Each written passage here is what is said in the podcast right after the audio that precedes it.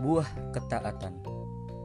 Kali ini mari kita simak petuah Ibnul Jauzi dalam Laftatul Qabid ila Nasihatil Walid. Jika Anda merasa diri Anda lemah, mohonlah kekuatan kepada Allah Sang Pemberi kekuatan. Atau jika Anda sedang malas, mohonlah pertolongan kepada Allah Sang Pemberi pertolongan.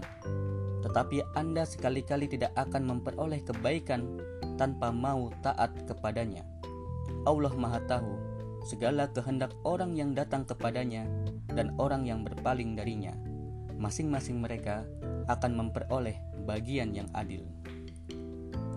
Saudaraku, sederhana bukan? Bila merasa lemah, mohon kekuatan dari Allah.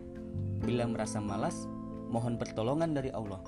Memang demikian sederhana jadinya ketika menautkan cita kepada Allah serta merta semua aktivitas rasa dan kerja kita yang dituju hanyalah Allah.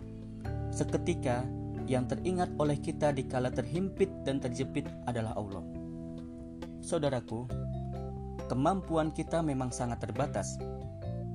Maka akhirnya tetap akan butuh kekuatan darinya. Namun bila sudah tergenapi, masih saja menghadapi kendala bahwa ternyata kemauan kita pun terbatas maka lagi-lagi kita akan tetap butuh pertolongan darinya. Allah akan menolong kita menjadi mau atau akan menolong kita dengan kemauan orang lain. Namun, Ibnul Jauzi mengingatkan bahwa kekuatannya dan pertolongannya didapat bila kita taat kepadanya.